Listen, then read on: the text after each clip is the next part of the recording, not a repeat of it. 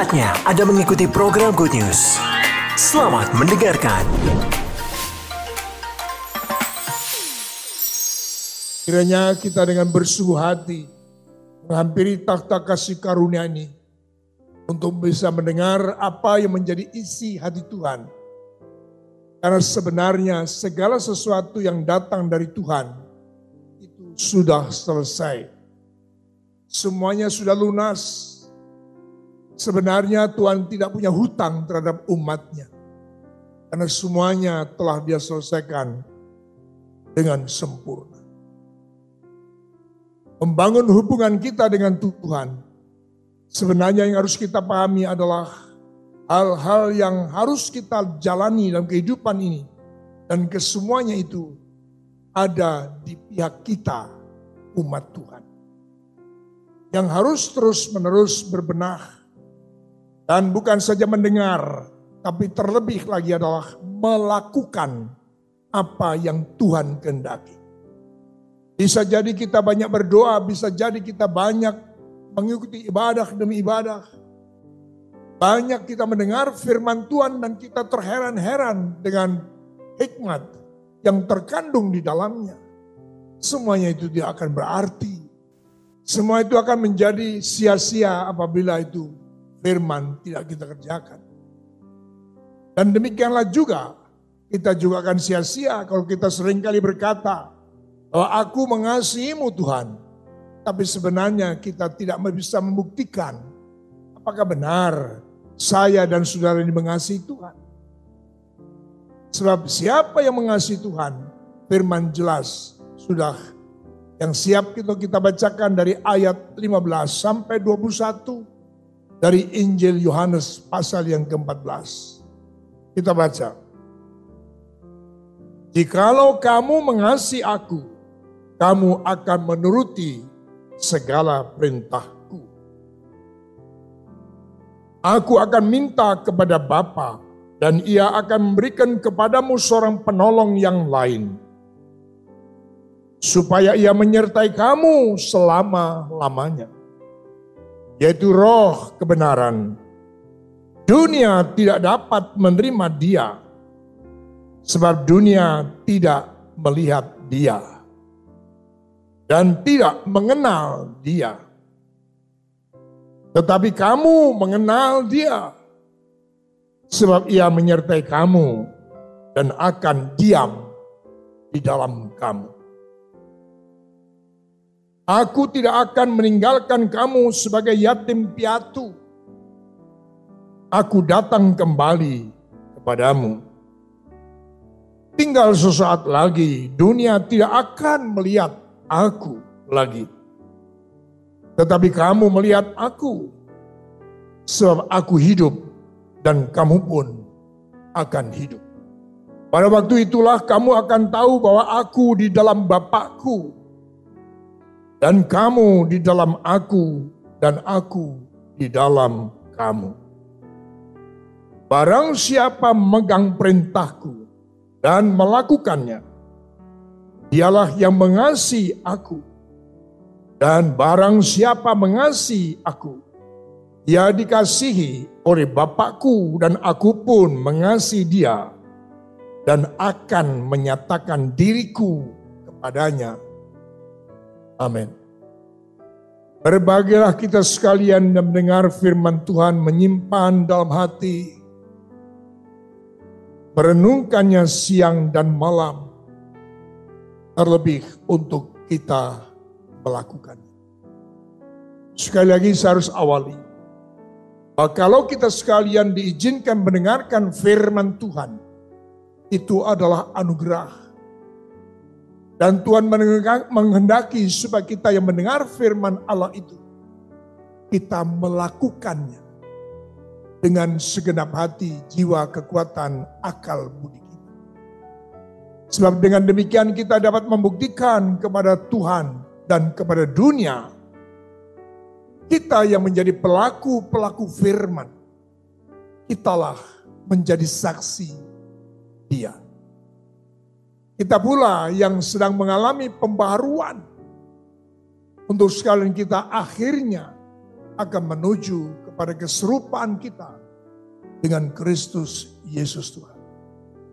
Ketika orang lain melihat kita melakukan setiap firman, setiap perintah-perintah Allah, dan kita melakukannya, sesungguhnya mereka sedang melihat yang memancar dalam kehidupan kita. Mereka melihat itu seperti aliran yang keluar dari bait Allah. Ketika mendapati saya dan saudara melakukan firman Tuhan. Banyak sekali kesempatan untuk dengar firman seperti kemarin selama tiga hari. 19, 20, dan 21.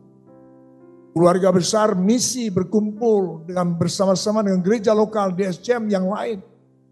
Di kota Blitar tepatnya. Juga di salah satu gereja lokal di SCM di Ngego. Blitar, saudara. Banyak kita dengar firman. Tetapi sebenarnya ujungnya yang penting adalah sebagaimana kesempatan ketika itu saya sampaikan bahwa seperti pisau yang dimiliki oleh seseorang, oleh keluarga. Pisau itu adalah untuk dipakai keperluan-keperluan rumah tangga. Ketika pisau itu kedapatan tumpul, maka pisau itu perlu diasah.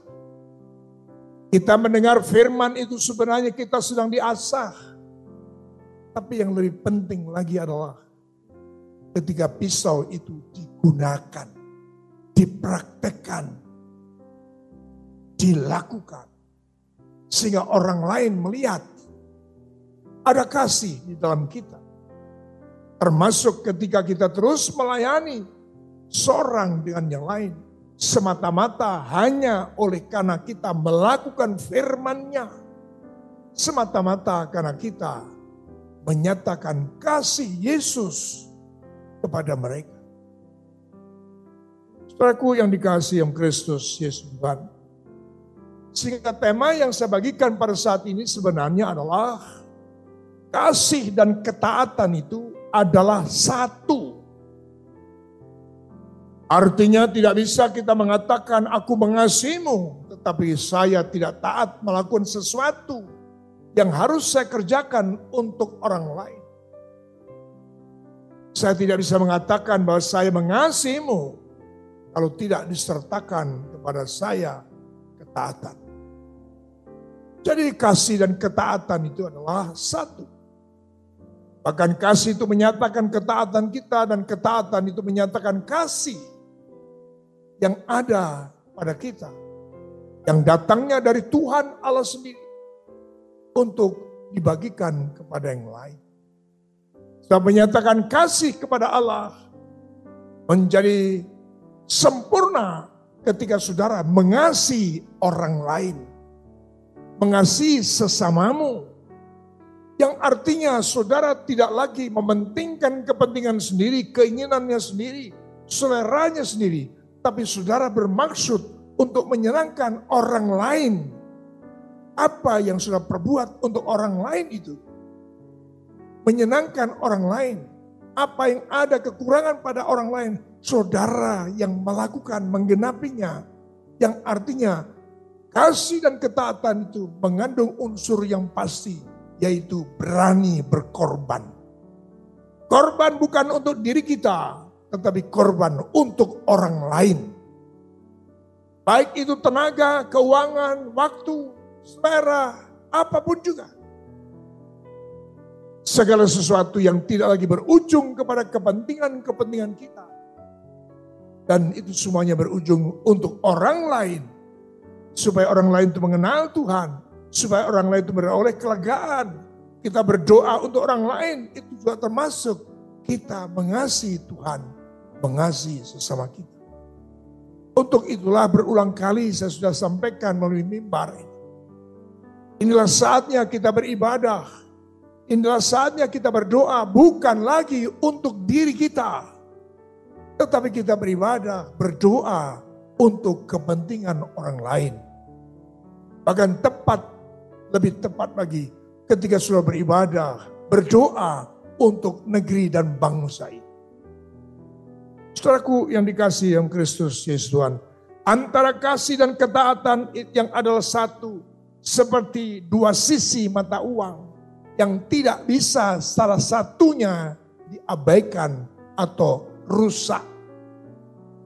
Kasih dan ketaatan adalah satu. Seperti dua sisi mata uang. Jadi kalau saudara mengasihi keluarga, mengasihi orang lain, mengasihi siapa pun. Untuk mereka supaya tidak binasa, untuk mereka supaya dapat mendapat kekuatan, mereka dapat tertolong, bahkan untuk hal-hal yang kebutuhan sehari-hari sekalipun. Maka saudara harus taat. Saudara sudah mengetahui orang itu lapar, saudara mengetahui orang itu membutuhkan sesuatu. Tetapi kalau saudara tidak melakukan, saudara sebenarnya bukanlah orang yang memiliki kasih. Saudaraku yang dikasih yang Kristus, Yesus Tuhan. Saya ingin mengatakan kepada saudara semuanya bahwa dua perkataan itu berbeda antara kasih dan ketaatan. Tetapi sebenarnya itu memberi arti dan makna yang sama. Ya, sudah bisa baca. Satu menjelaskan yang lain.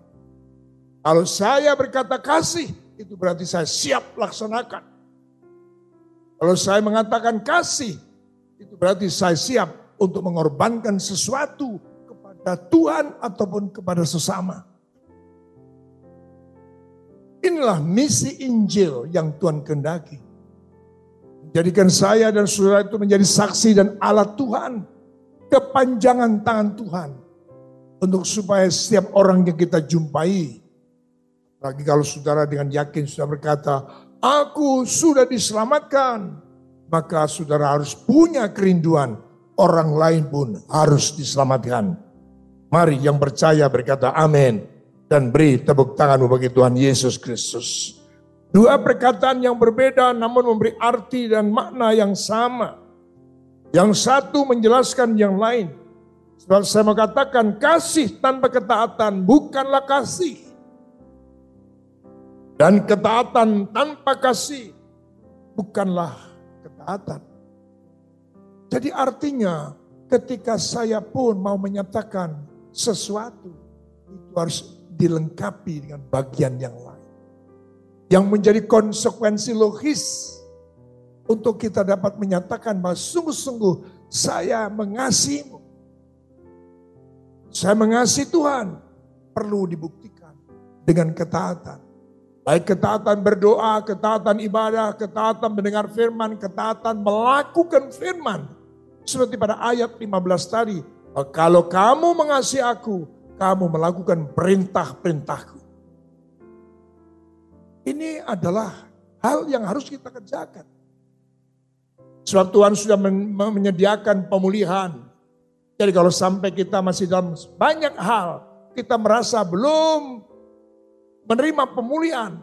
Baik itu pemulihan keluarga, pemulihan ekonomi, pemulihan pekerjaan, pemulihan bisnis, apa saja.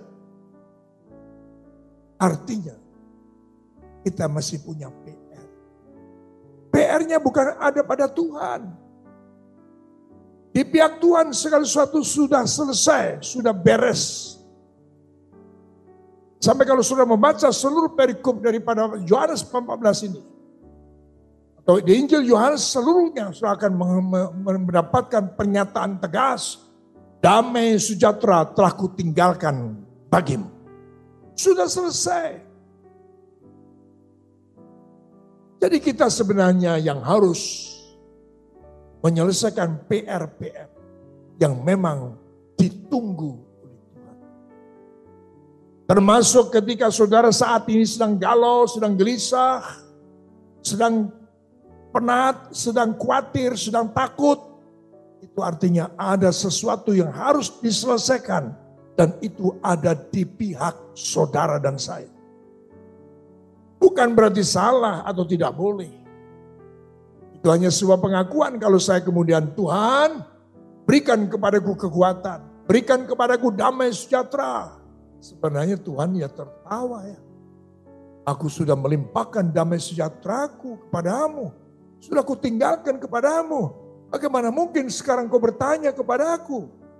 Berikanlah kepadaku damai sejahtera. Sebenarnya kalau sampai kamu belum menerima damai sejahtera, itu masalahnya ada padamu. Artinya saya ingin mengatakan masih banyak perkara yang harus kita selesaikan dalam kaitan hubungan kita dengan Tuhan. Untuk dapat tersenggaranya hubungan kita dengan sesama kita. Yang dikasih yang Kristus Yesus Tuhan. Karena kasih dan kesehatan, ketaatan itu adalah satu. Itulah sebenarnya yang dimaksud dengan kebenaran Injil kerajaan. Untuk itulah Injil diberitakan. Untuk itulah Yesus Kristus datang ke dalam dunia ini. Untuk itulah Yesus Kristus harus mati di atas kayu salib. Segala sesuatu yang dia perbuat sebenarnya adalah untuk menyatakan Injil kerajaan, Injil keselamatan, Injil damai sejahtera bagi semua orang yang hidup di atas muka bumi. Ini yang kita kerjakan. Jadi kalau kita mengingat ini, masih banyak PR yang harus kita kerjakan. Makanya jangan sampai sudah kedapatan menganggur. Atau bahkan bukan saja nganggur, sampai dikatakan, kita tidak tahu apa yang harus kita kerjakan. Masih ingat perumpamaan tentang pekerja-pekerja di kebun anggur. Mengapa kamu seharian duduk-duduk di sini dengan menganggur? Pergilah masuk ke kebun anggurku Pesan saya, jangan sampai saudara kedapatan. Bisa itu memang penilaian dari Tuhan. Tapi manusia sesama kita bisa menjadi wakil. Bisa mengetahui kalau saudara sedang anggur. Sedang tidak tahu apa yang kita kerjakan. Karena sifat daripada kasih itu pancaran atau aliran air yang tidak pernah berhenti. Terus mengalir. Tidak boleh aliran air itu. Kalau diterima baru dibuka kerannya. air atau kasih itu mengalir tanpa henti. Diterima tidak diterima, tugas kita mengalirkan air itu. Mengalirkan kasih itu. Seorang kepada yang lain. Jadi sekali lagi bisa sekali yang harus kita pahami adalah semua masalah yang sedang kita hadapi itu bukan ada di pihak Tuhan. Itu ada di pihak Aku yang dikasih yang Kristus Yesus. Dan pengorbanan kita lakukan berdasarkan ketaatan. Pengorbanan yang kita kerjakan, sesuatu yang kita lepaskan berdasar ketaatan, berdasarkan kasih. Itulah yang Tuhan kehendaki. Itulah kasih yang sesungguhnya. Tidak ada rasa paksa. Tidak ada rasa kemudian, aduh, jebak nih. Tapi itu semua kita lakukan dengan ketulusan, kerelaan. Dan kita bahkan bangga dapat menyerahkan apa yang kita miliki. Bukan menyesal. Tapi ujungnya kita malah bangga. Bisa mempersembahkan apa yang kita sayangi, apa yang kita miliki, kita persembahkan untuk orang lain. Bisa jadi yang kita persembahkan untuk orang lain itu, yang diterima oleh orang lain itu bisa jadi terlalu sedikit atau kurang, tetap saya akan berkata kebenaran. Tuhan sanggup melipat kali gandakan. Yang penting adalah ada kerelaan, ada ketulusan. Jangan kemudian jumlah itu membuat niat baik kita terhambat. Jangan sampai terjadi. Jadi kalau memang sekarang itu hanya satu yang bisa kita lakukan, ya satu saja. Masih ingat pelajaran 521, konsep 5 talenta, 2 talenta, 1 talenta. Bisa jadi yang satu talenta tidak mengerjakan, cuma satu percuma. Berdampak yang diukur bukan satu, dua, atau lima. Yang diukur sama Tuhan adalah ketaatan kita. Jadi perkara kecil sekalipun yang dipercayakan Tuhan kepada kita, yang dipercayakan organisasi kepada kita, yang dipercayakan lembaga kepada kita, yang dipercayakan pimpinan kepada kita, lakukan itu. Kalau engkau memang mengasihi, Aku yang dikasih dalam Kristus Tuhan tahu persis. Firman Tuhan yang kita baca ini dalam rangka ketika Yesus itu mau naik ke surga. Sebagaimana tadi sudah kita baca, suraku, mulai kita baca lagi ayat 16, Aku akan minta kepada Bapa dan ia akan memberikan kepadamu seorang penolong yang lain supaya ia menyertai kamu selama-lamanya, yaitu roh kebenaran. Dunia tidak dapat menerima dia sebab dunia tidak melihat dia dan tidak mengenal dia. Tetapi kamu mengenal dia sebab ia menyertai kamu dan aku, dan akan diam di dalam kamu. Aku tidak meninggalkan kamu sebagai yatim piatu. Aku datang kepadamu Eh, kembali kepadamu. Haleluya. Tinggal sesaat lagi aku eh, dan dunia ini tidak akan melihat aku lagi. Tuhan tahu persis bahwa kita ini tidak bisa melakukannya sendiri. Maka Tuhan berfirman dalam Yohanes 14 melalui hambanya Yohanes. Bahwa dia akan naik ke surga. Tetapi dia berkata, Aku akan minta kepada Bapa supaya Bapa memberikan kepadamu penolong yang lain. para kletos Yang sanggup engkau akan diberikan sanggupan untuk melakukan semuanya.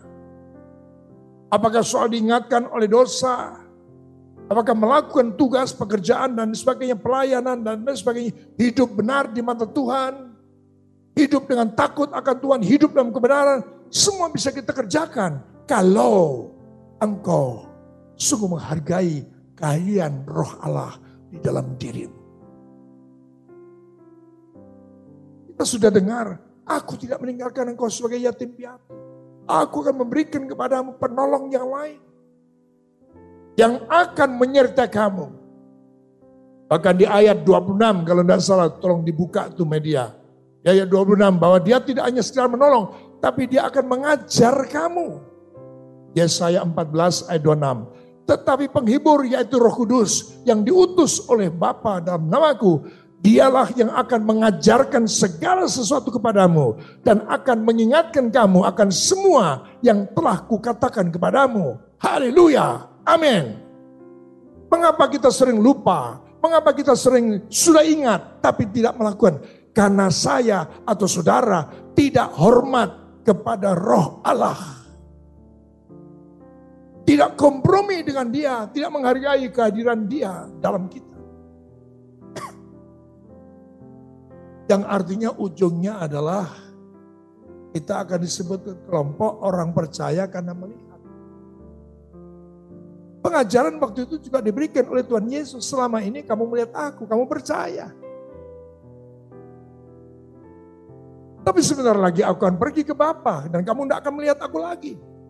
Tuhan mengendaki, aku tetap mengendaki, kamu tetap percaya. Kenapa? Dengan sesuatu yang tidak kelihatan.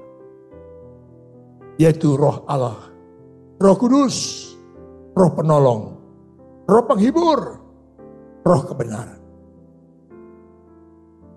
Saudara yang dikasih yang Kristus, Yesus Tuhan, di sinilah peran penting daripada roh kudus yang adalah roh penolong atau roh kebenaran itu. Sudah saya berikan catatan itu. Bukan saja dia menyertai, bahkan dia ditempatkan di dalam kita. Saya percaya, jangankan sejak menjadi Kristen. Saya percaya kita belum sebagai, seorang Kristen saja. Kalau kita mau berbuat dosa, kita sadar, kita tahu bahwa itu dosa. Tapi kita nekat melakukan. Apakah juga demikian sejak kita sudah menjadi anak Tuhan? Kita harus melakukan sesuatu, tapi kita tidak lakukan. Kita tidak boleh melakukan sesuatu yang berakibat dosa, tapi kita tetap melakukan. Apakah masih terjadi demikian? Itu artinya kita sedang mendukakan roh Aku yang dikasih Tuhan, yang mampu melakukan sesuatu sebagaimana yang Tuhan kendaki, itu hanya ketika saya dan saudara disertai oleh roh kudus. Maka perlu dan kita pahami Itu bukan pengajaran GPI saja. Itu pengajaran Alkitab. Itu bukan pengajaran gereja-gereja Pentakosta. Tidak. Tapi itu pengajaran Alkitab. Yang artinya saudara dan saya memang harus menghormati dan merindukan akan kehadiran roh Allah, roh kudus, roh kebenaran di dalam kehidupan kita. Dialah yang menuntun, memimpin kita, langkah-langkah kita. Jadi kalau kita modali diri kita dengan hidup dalam kasih, saya percaya ketika saudara sudah dalam apa namanya sebagai kelompok orang Kristen, apalagi hamba Tuhan, sudah jelas diingatkan lakukan atau tidak boleh lakukan ini, ikuti itu. Sebab firman tadi di atas sudah mengatakan, kalau kamu mengasihi aku, kamu akan menuruti perintahku. Kali ini yang dimaksud perintahku bukan lagi Yesus, tapi roh Kudus yang tinggal di dalam kita.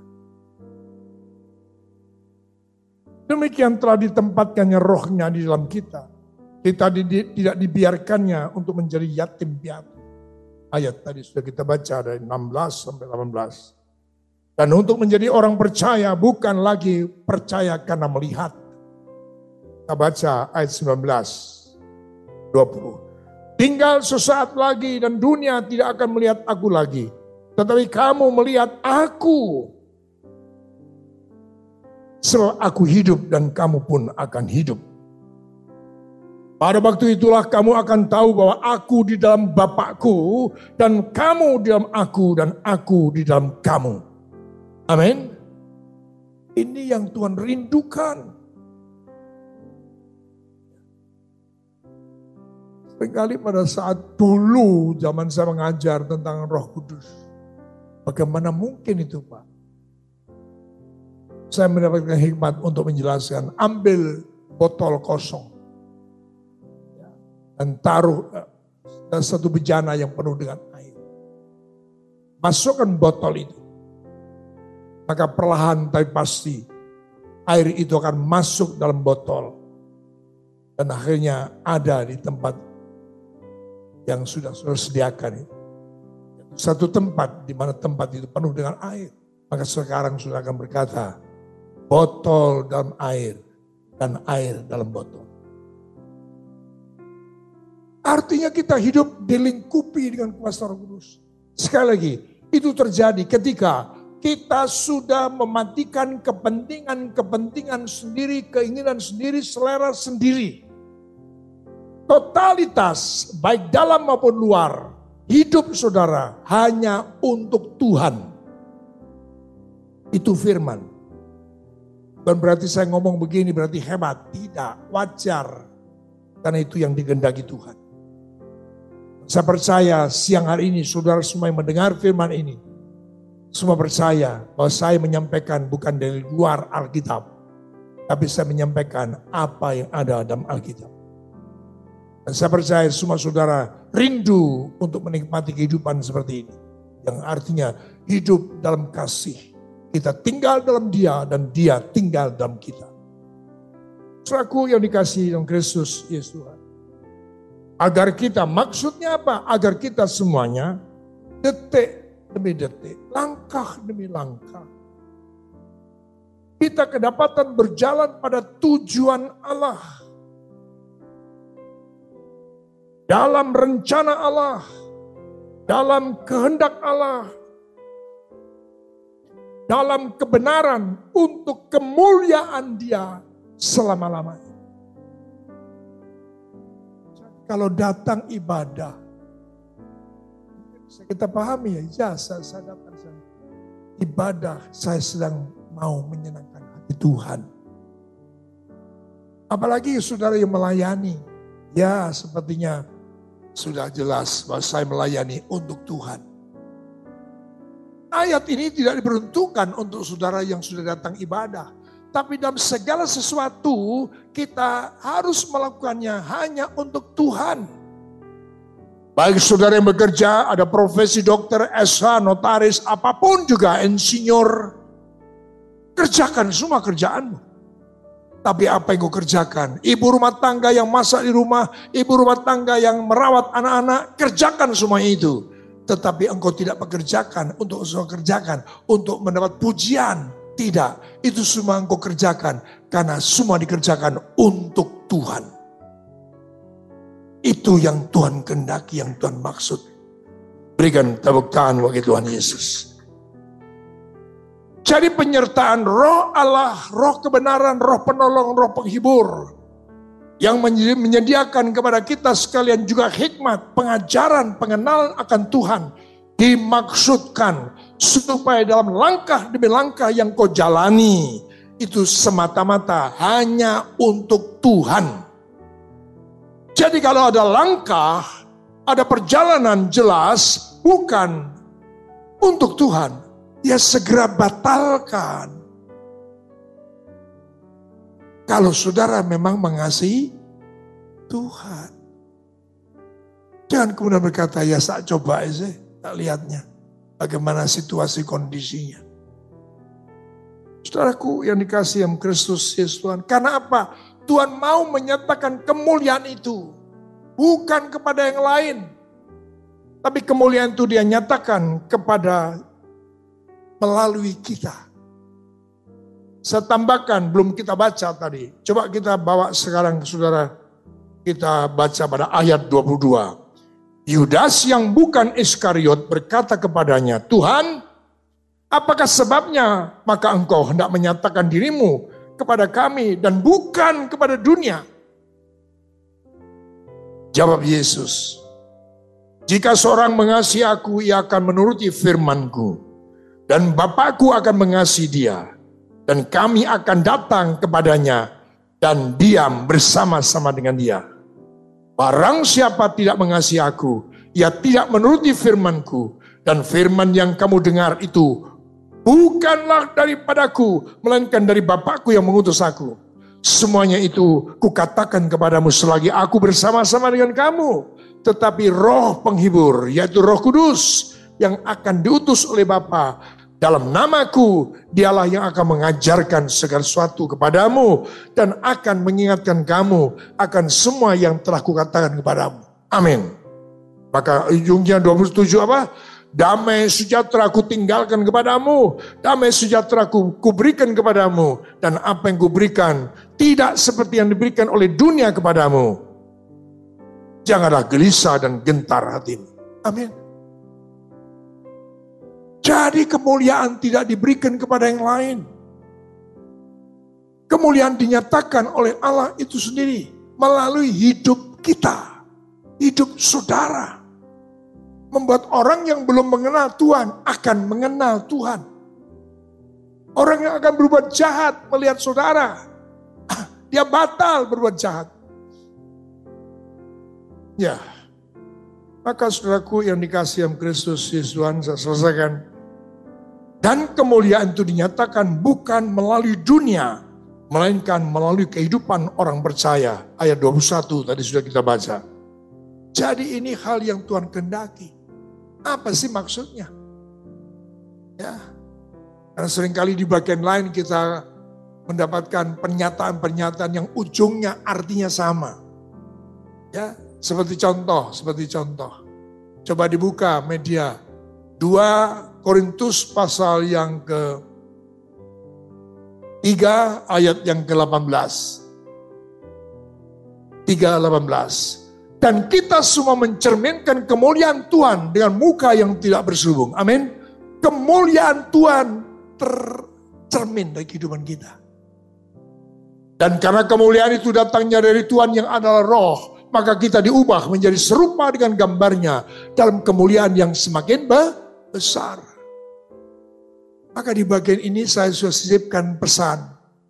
Mengapa banyak orang anak Tuhan masih berbuat jahat, masih korupsi,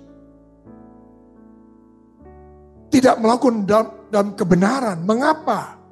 Karena mereka tidak menghargai roh kudus.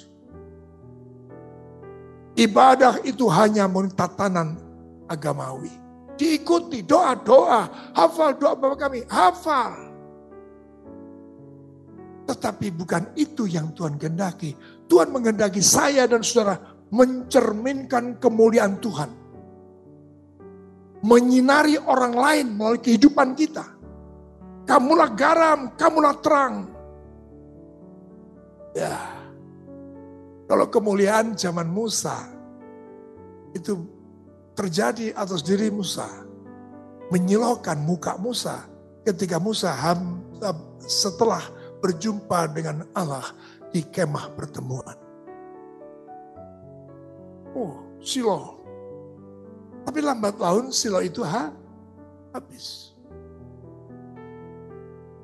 Dan kepada saya dan saudara, maksudnya sama, supaya cerminan kemuliaan itu tetap ada.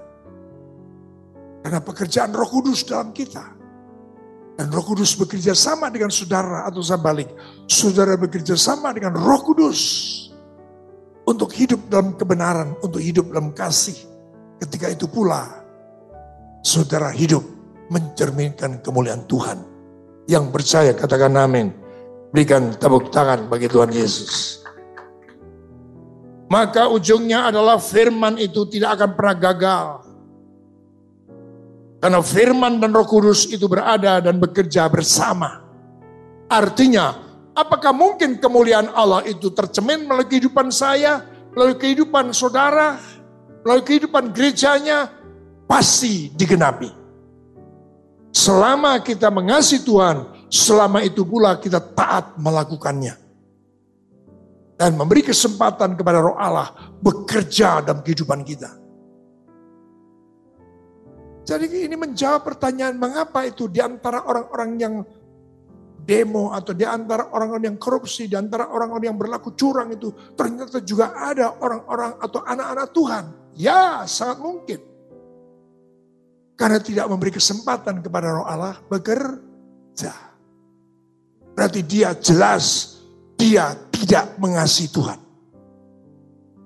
Kalau mengasihi Tuhan, pasti dia ada pelaku firman pasti dia taat. Saudaraku yang dikasih yang Kristus Yesus Tuhan, demikianlah kasih dan ketaatan tidak akan pernah gagal. Kalau kedapatan saudara taat melakukan segala sesuatu yang diperintahkan Tuhan, maka kasih itu akan memancar dalam hidup. Demikian juga sebaliknya. Pasti terjadi, tidak akan pernah gagal dan pasti terjadi. Sebagaimana pengorbanan di atas kayu salib telah membuktikan. Amin. Ya, itu sempurnanya kasih. Itu sempurnanya ketaatan. Karya salib Kristus. Sempurnanya kasih, sempurnanya ketaatan. Luar biasa. Maka saudaraku yang kasih Tuhan akhirnya saya ingin katakan hiduplah dalam kasih. Hiduplah dalam ketaatan untuk melakukan perintahnya. Ya, terlebih bagi saudara semua hamba-hamba Tuhan yang sudah didapuk untuk melayani. Lakukan dengan sungguh-sungguh, serius. Dalam segala sesuatu sebelum melakukan, mintalah kepada roh kudus pengurapan. Mintalah kepada roh kudus bekerja. Baik saudara pemusik, saudara pendoa, saudara WL, singer. Jangan dilakukan hanya karena itu kebiasaan sudah. Tapi minta kepada roh Allah bekerja maka yang akan memimpin dan bekerja dalam saudara main musik, BL, singer, yang menyampaikan kebenaran firman Tuhan, bukan lagi saudara sendiri, tapi roh Allah yang bekerja. Hiduplah dalam ketaatan, hiduplah dalam kasih dan ketaatan, dan melakukan perintahnya. Dan hidup dalam misi Allah. Hidup menjadi berkat bagi sesama, hidup menjadi berkat bagi bangsa. Sekali lagi saya ulang pesan-pesan saya minggu kemarin. Rindukanlah senantiasa dengan rasa lapar dan haus untuk saudara hidup dalam rohnya. Ya, maka roh Allah. Kita buka saja firmannya. Pak media ya, tolong surat Malang. Yesaya 44 ayat 3. Rasa lapar, rasa haus itu yang harus kita miliki. Supaya dicurahkannya roh dari atas. Ya. Oke. Coba kita baca bersama-sama. Satu, dua, tiga. Sebab aku akan mencurahkan air ke atas tanah yang haus dan hujan lebat ke atas tanah yang kering. Aku akan mencurahkan rohku ke atas keturunanmu dan berkatku ke atas anak cucumu. Bukan saja dicurahkan untukmu pribadi, tapi dicurahkan limpah ruah sampai kepada anak cucumu. Ya, ini tahun kering, sebenarnya harus menyadarkan ini.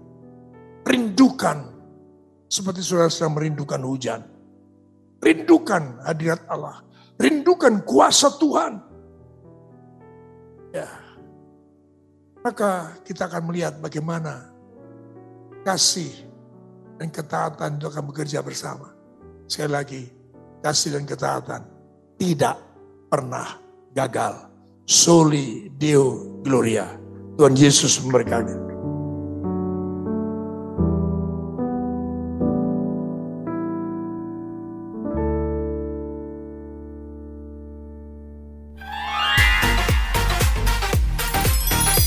Terima kasih untuk Anda yang sudah mendengarkan program Good News yang dipersembahkan oleh Radio Sejahtera. Untuk Anda yang rindu mendapatkan layanan konseling dan dukungan doa, silakan menghubungi hotline 0812 33 33 6392. Para konselor dan para pendoa Diaspora Sejahtera Caring Ministry siap untuk melayani Anda. Tuhan Yesus memberkati.